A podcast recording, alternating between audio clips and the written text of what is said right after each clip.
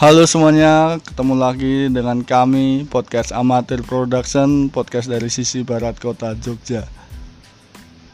Ketemu lagi di konten Ngudaroso. Tapi kali ini adalah konten yang spesial karena hari ini 29 Februari 2020 adalah hari yang spesial. Ada yang tahu kenapa? Tetap dengerin terus podcast Muda Rosso dari Amatir Production, podcast dari sisi barat kota Jogja.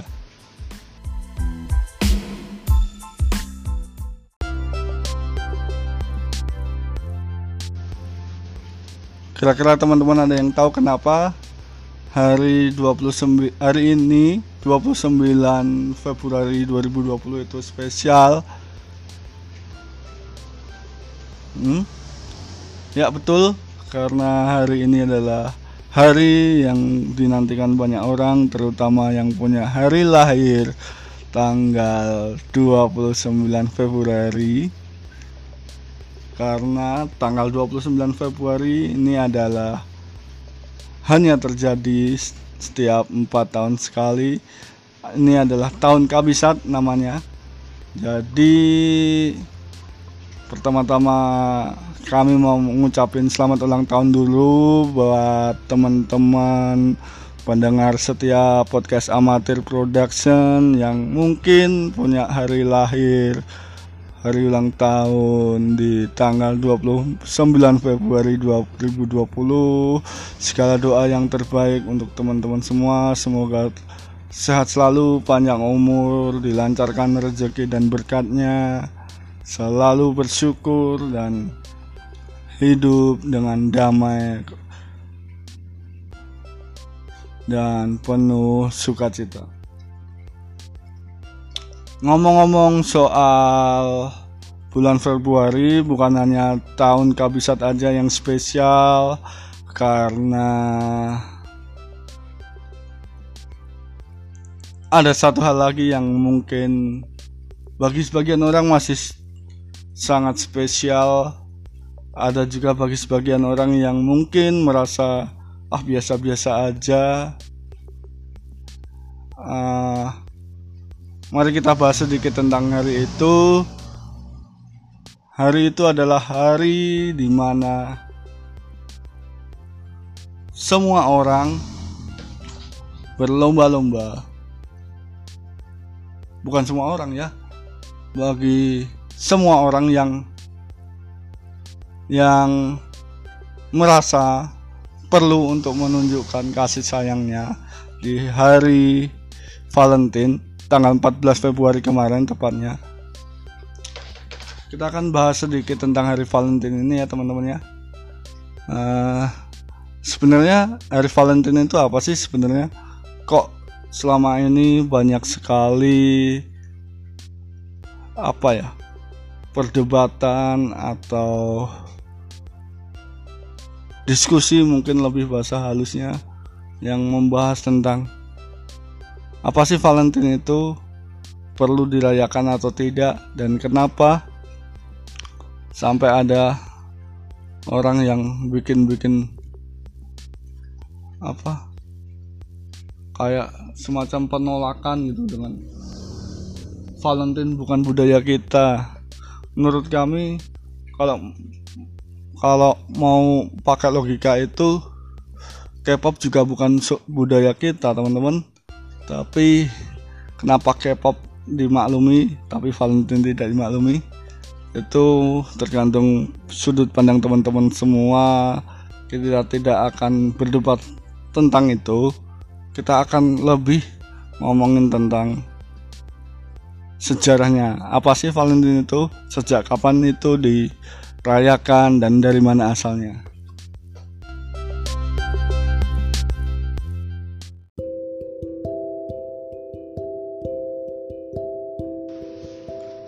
Uh, langsung aja teman-teman ya. Uh, kita akan mengingat sedikit, belajar sedikit sejarah tentang apa itu Valentine, kapan dimulai hari Valentine dan bagaimana sejarahnya. Uh, kali ini kita akan baca penjelasannya tentang Hari Valentine dari Wikipedia. Nah, saya akan bacakan langsung aja. Hari Valentine dalam bahasa Inggris Valentine Day atau disebut juga Hari Kasih Sayang. Pada tanggal 14 Februari adalah hari di mana para kekasih dan mereka yang sedang jatuh cinta menyatakan cintanya di dunia barat. Hari raya ini sekarang terutama diasosiasikan dengan para pecinta yang saling bertukar notisi-notisi dalam bentuk Valentine's dalam tanda kutip ya itu kata-katanya simbol modern Valentine antara lain termasuk sebuah kartu berbentuk hati dengan gambar sebuah cupido bahasa Inggrisnya cupid. Mulai dikerjakan abad tahun abad ke-19. Tradisi penulisan notisi pernyataan cinta mengawali produksi kartu ucapan secara massal The Greeting Card Association dari Amerika Serikat memperkirakan bahwa di seluruh dunia sekitar satu miliar kartu Valentine dikirimkan per tahun. Hal ini membuat hari raya ini merupakan hari raya terbesar kedua setelah Natal. Di mana kartu-kartu ucapan dikirimkan, asosiasi yang sama ini juga memperkirakan bahwa para wanita lah yang membeli kurang lebih 85% dari semua kartu Valentine. Di Amerika Serikat, mulai pada tahun kedua abad ke-20, tradisi bertukar kartu diperluas dan, dan termasuk pula pemberian segala macam hadiah. Biasanya oleh pria kepada wanita. Hadiah-hadiahnya bisa berupa bunga mawar, coklat, itu ya teman-teman. Jadi dimulai dari abad ke-19 lanjut sampai pada akhirnya ke paruh kedua abad 2000 abad 20 nih terus mulai tahun 1980-an mulai 1980-an teman-teman industri berlian mulai mempromosikan Hari Valentine sebagai sebuah kesempatan untuk memberikan perhiasan. Jadi sempat jadi uh, peluang bisnis juga ya bagi pengusaha kayak floris apa itu toko-toko bunga, toko-toko coklat, bahkan toko berlian pada waktu itu ya mulai awal tahun 1980-an sebuah kencan pada hari Valentine sering kali dianggap bahwa pasangan yang sedang kencan terlibat dalam sebuah relasi serius.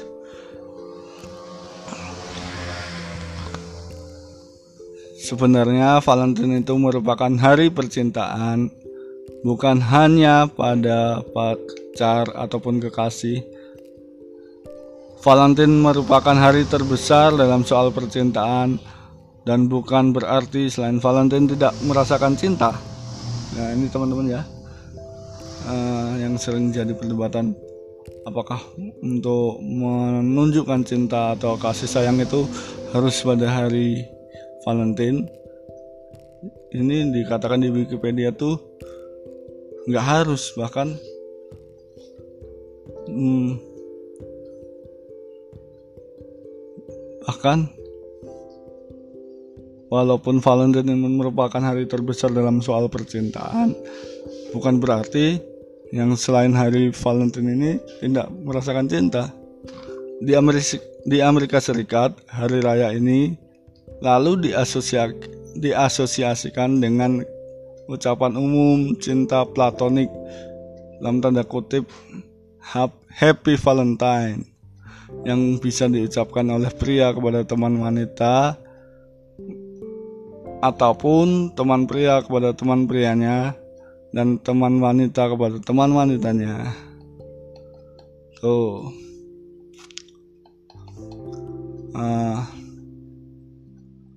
lalu kita bicara sejarah lebih jauhnya lagi uh, 14 Februari ini juga berkaitan dengan perayaan kesuburan di bulan Februari.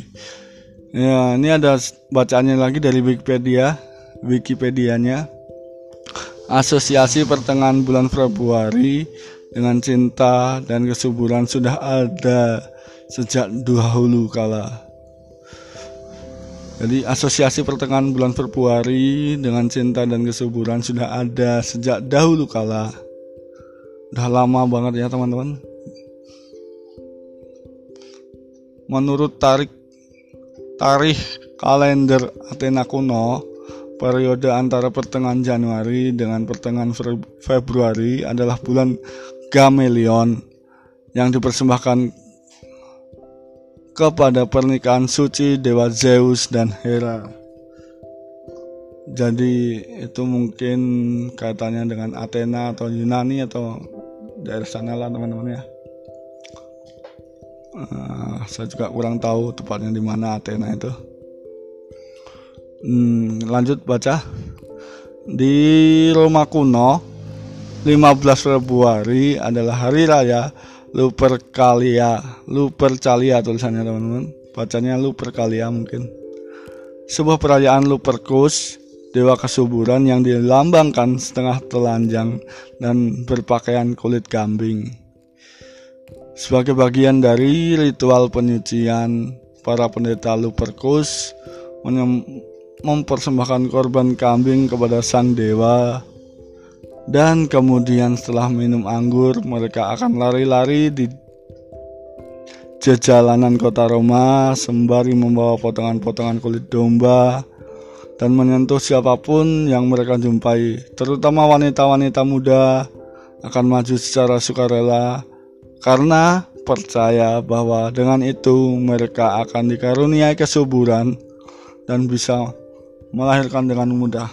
Oh, jadi teman-teman dulu juga ada kaitannya dengan dewa kesuburan dan ah apa nih tadi ah, ada kaitannya dengan kesuburan bulan Februari yang kaitannya kepada rujukannya nih.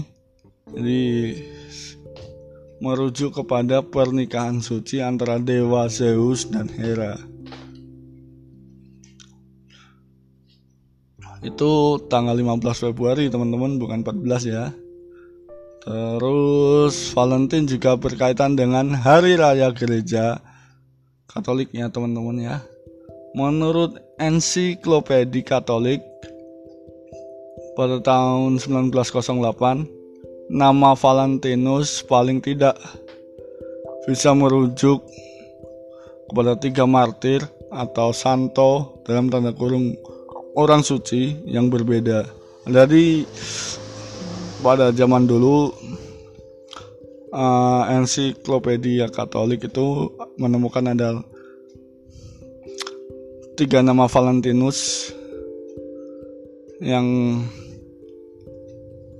berkaitan dengan hari Valentine ini yang kemudian di di apa ya dihubungkan atau diasosiasikan dengan hari kasih sayang ini. Yang pertama yang pertama nama Valentinus itu adalah seorang pastor atau uskup pastor ya. Pastor pastor dan uskup mungkin berbeda teman-teman karena kami kurang tahu dengan uh, pemuka agama Katolik. Mohon maaf kalau salah. Seorang pastor di Roma itu nomor satu. Terus yang kedua seorang uskup interama seorang uskup interama dalam tanda kurung dalam tanda kurung modern turning itu kata Wikipedia ya teman-teman lalu yang ketiga adalah seorang martir di provinsi Romawi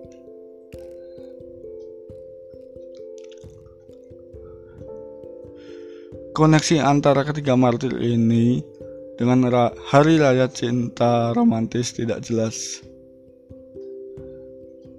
Bahkan Paul, Paus Gelasius pertama pada tahun 496 menyatakan bahwa sebenarnya tidak ada yang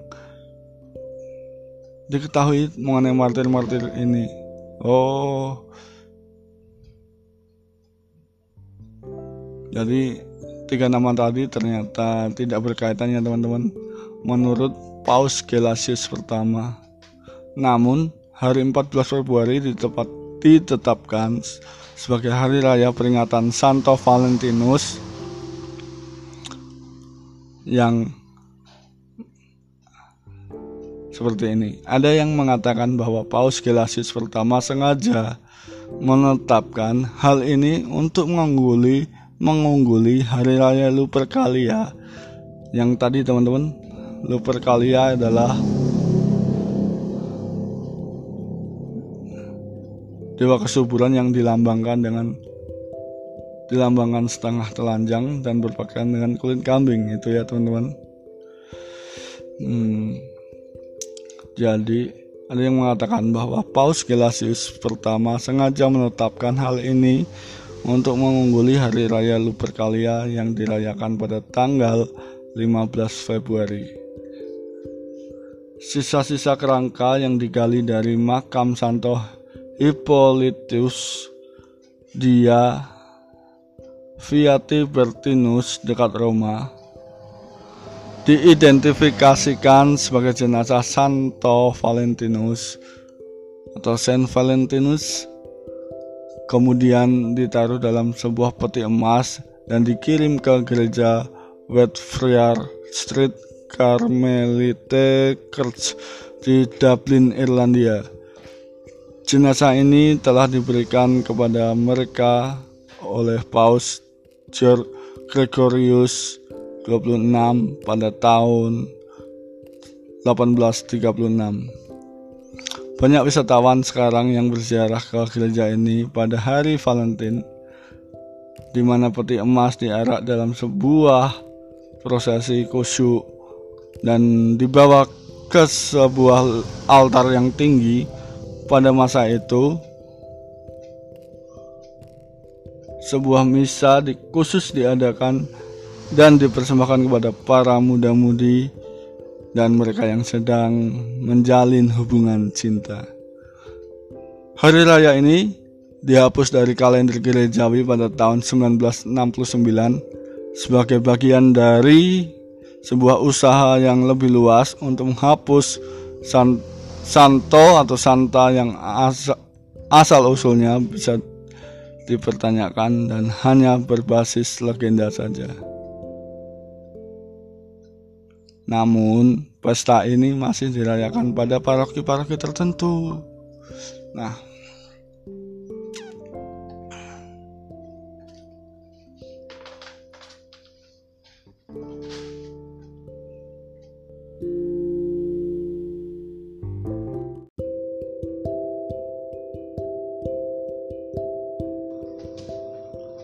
Lalu siapa Valentinus itu? Nah, kita akan bahas sedikit tentang Valentinus ini ya. Ini ada satu paragraf penjelasan tentang Valentinus. Saya bacakan. Guru ilmu genotisisme yang berpengaruh Valentinus, ini hurufnya tebal, Valentinus adalah seorang calon uskup di Roma pada tahun 143. Dalam ajarannya, tempat tidur pelaminan memiliki tempat yang utama dalam versi cinta versi cinta kasihnya. Oh, saya ulangi teman-teman. Guru ilmu kenotisisme yang berpengaruh Valentinus adalah seorang calon uskup Roma pada tahun 143. Dalam ajarannya, tempat tidur pelaminan memiliki tempat yang utama dalam versi cinta kasih Kristianinya. Penekanannya ini jauh berbeda dengan konsep dalam agama Kristen yang umum. Menurut Stephen A. Weller, seorang par seorang pakar menyatakan pendapatnya tentang Valentinus mengenai hal ini. Selain sakramen permandian, penguatan, ekaristi, imamat dan perminyakan, aliran Gnosis Valentinus juga secara prominent menekankan dua sakramen agung dan misterius yang dipanggil atau disebut penembusan dosa apolitrosis dalam tanda kurung ya teman-teman dan tempat pelaminan uh, apa itu? Sakramen penebusan dosa apolitrosis. Uh, teman-teman akan mungkin penasaran tapi kita akan nggak kita nggak akan bahas itu. Kalau teman-teman penasaran teman-teman bisa googling sendiri. Uh, cari tahu sendiri. A P O L Y T R O S I S itu tulisannya teman-teman. Lalu bagaimana Valentine di era abad pertengahan? Catatan pertama dihubungkannya hari raya Santo Valentinus dengan cinta dan romantisme adalah pada abad 14 di Inggris dan Prancis di mana dipercaya bahwa 14 Februari adalah hari ketika burung mencari pasangan untuk kawin. Oh jadi ini udah mulai berubah ya teman-teman.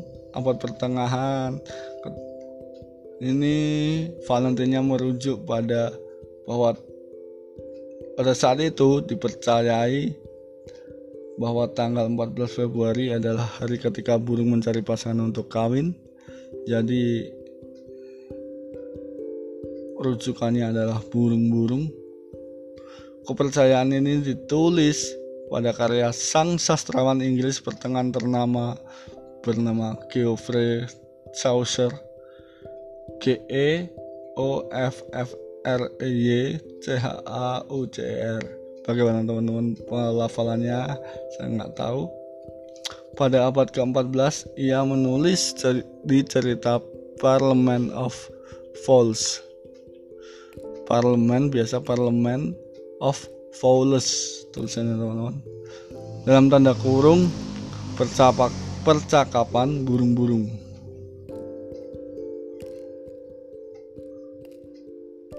Bahwa for this was sent on Saint Valentine's Day. Untuk inilah dikirim pada hari Santo Valentinus when every fowl comet there to choose his mate saat semua burung datang ke sana untuk memilih pasangannya. Itu yang dia tulis ya.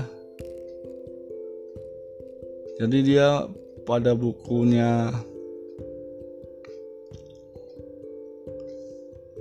Parliament of Falls percakapan burung-burung dia menulis for this was sent on sent untuk inilah dikirim pada hari Santo Valentinus when every fall comet there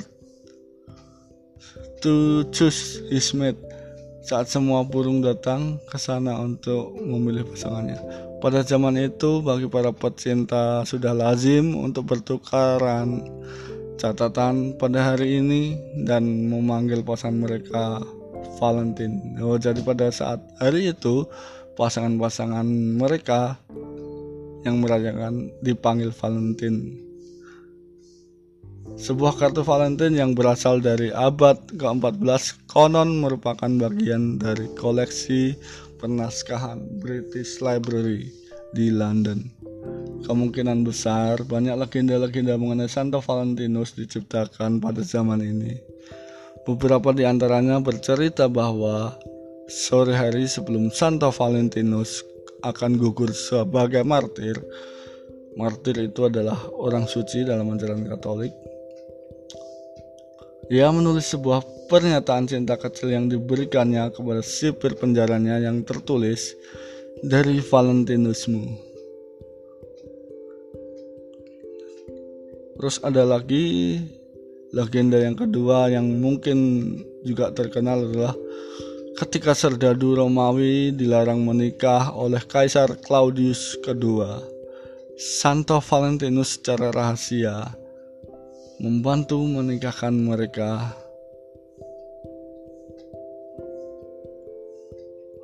Oh, jadi teman-teman, dulu legendanya pada abad pertengahan itu ada seorang calon uskup. Ada martir gitu katakanlah yang udah hampir meninggal. Pada saat itu dia di penjara dan hampir meninggal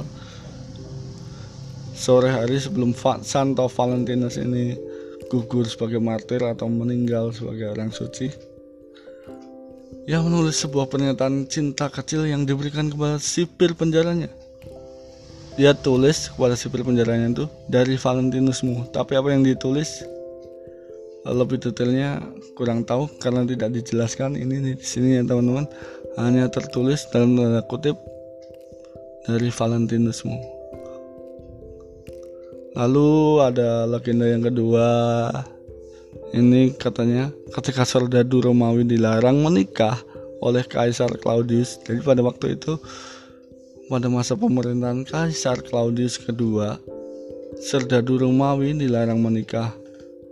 Tapi Santo Valentinus ini secara rahasia membantu mereka untuk menikah.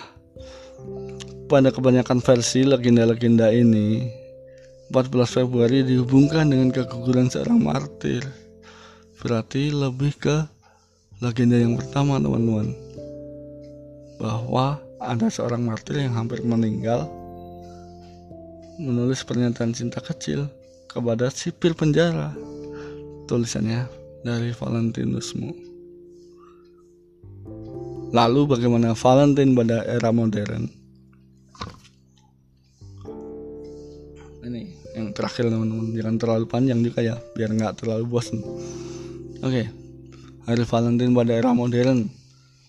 Hari Valentine kemungkinan diimpor oleh Amerika Utara dan Britania Raya, negara yang mengkolonisasi daerah tersebut, mengkolonisasi maaf teman-teman daerah tersebut. Di Amerika Serikat, kartu Valentine pertama yang diproduksi secara massal dicetak pada dicetak setelah tahun 1847 oleh Esther A. Howland. Dalam tanda kurung 1828 strip 1904 ini mungkin masa hidupnya si Esther A. Howland ini ya teman-teman dari Worcester, Massachusetts. Uh, susah pelafalannya, mohon maaf. Uh, ayahnya memiliki sebuah toko buku dan peralatan kantor yang besar. Ia mendapat ilham untuk memproduksi sebuah kartu Valentine Inggris yang ia terima. Semenjak kurung ini teman-teman. Semenjak tahun 2001 The Greeting Card Association, Association setiap tahun mengeluarkan penghargaan kepada oh peng, mengeluarkan penghargaan Esther Howland Award for a Greeting Card Visionary. Oh jadi sejak tahun 2001 The Greeting Card Association setiap tahun mengeluarkan penghargaan Esther Howland Award for a greeting card visionary. Uh, mungkin sampai sekarang masih dikeluarkan penghargaan itu? Saya nggak tahu ya teman-teman ya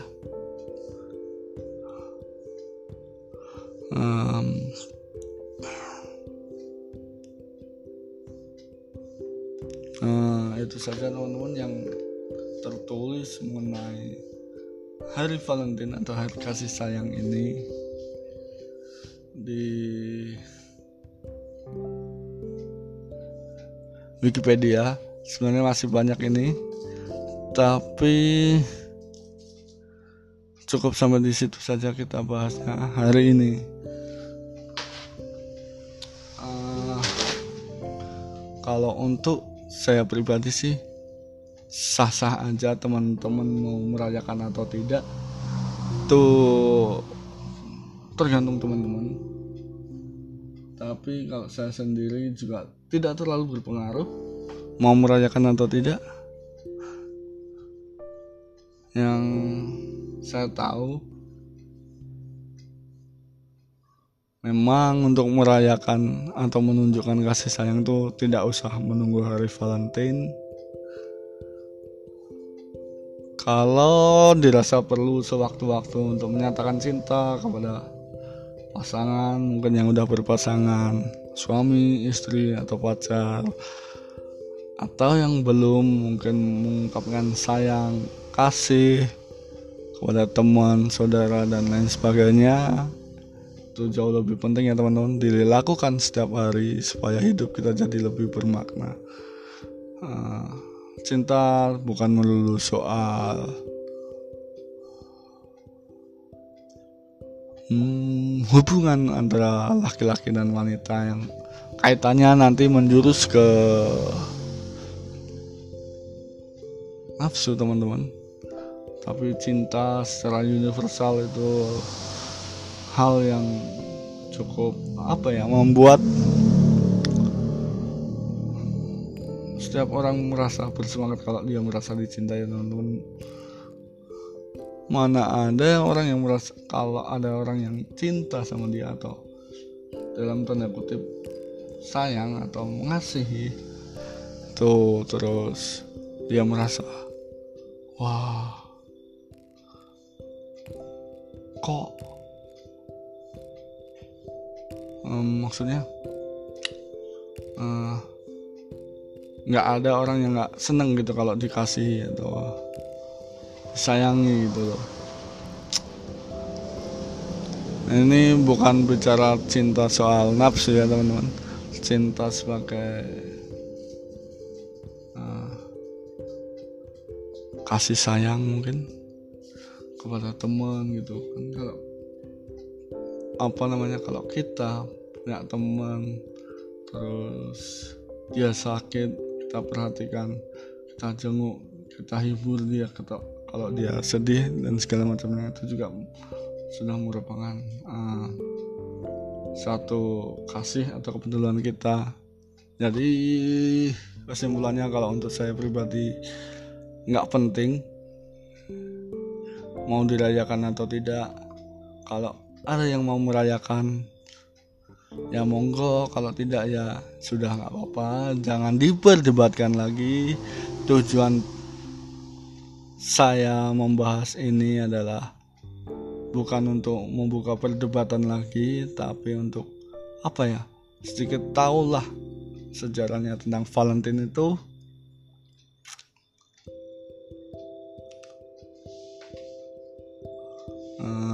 Kita udah belajar banyak tadi ada hari Valentine pada era modern pada abad pertengahan lalu siapa Valentinus itu kemudian apa hubungannya dengan hari raya gereja dan ternyata kita juga tahu bahwa Valentine berhubungan dengan perayaan kesuburan bulan Februari yang merujuk pada pernikahan suci dewa Zeus dan Hera.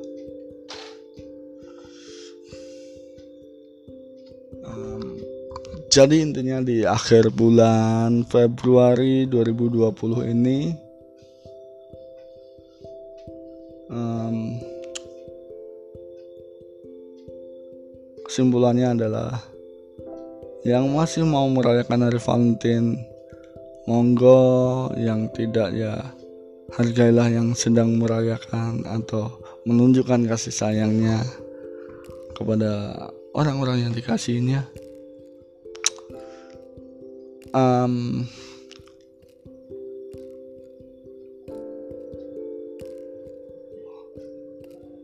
uh, cukup segini aja teman-teman. Saya udah nggak tahu lagi mau ngomong apa lagi. Terima kasih udah mendengarkan celoteh saya di episode udah rasa kali ini ya meskipun masih belum terkonsep sama sekali acaranya sama sekali belum terkonsep. Uh, saya bikin podcast ini juga untuk belajar ngomong karena saya nggak pinter ngomong. Saya pengen belajar public speaking tapi ngomong saya masih belepotan seperti di podcast ini dan episode episode sebelumnya teman-teman. Mohon maaf terima kasih teman-teman udah mau mendengarkan sampai episode ini berakhir. Mohon maaf kalau masih jelek audio bocor dan segala macamnya. Namanya juga podcast amatiran teman-teman. Nah, kalau teman-teman suka dengan konten-konten kami silahkan sebar dan kasih tahu teman-teman yang lain untuk dengerin podcast ini supaya kami juga semangat untuk terus rutin bikin konten. Dan kalau ada teman-teman yang apa ya ibaratnya punya unek-unek atau pengen ngungkapin sesuatu tapi tidak apa ya tidak berani atau kurang pede untuk mengungkapkannya. Teman-teman bisa kirimkan ke email kami di amatirproduction1 at gmail.com atau mention kami di twitter kami di amatir production at amatir produk 4 itu twitter kami teman-teman. Teman-teman silahkan hubungi kami untuk kritik saran dan apa pun itu. Um, sekali lagi terima kasih untuk sudah setia mendengarkan podcast amatiran ini. Mohon maaf kalau jelek namanya juga podcast amatiran. Terima kasih teman-teman, terima kasih sudah mendengarkan. Sekali lagi terima kasih, terima kasih, matur nuwun.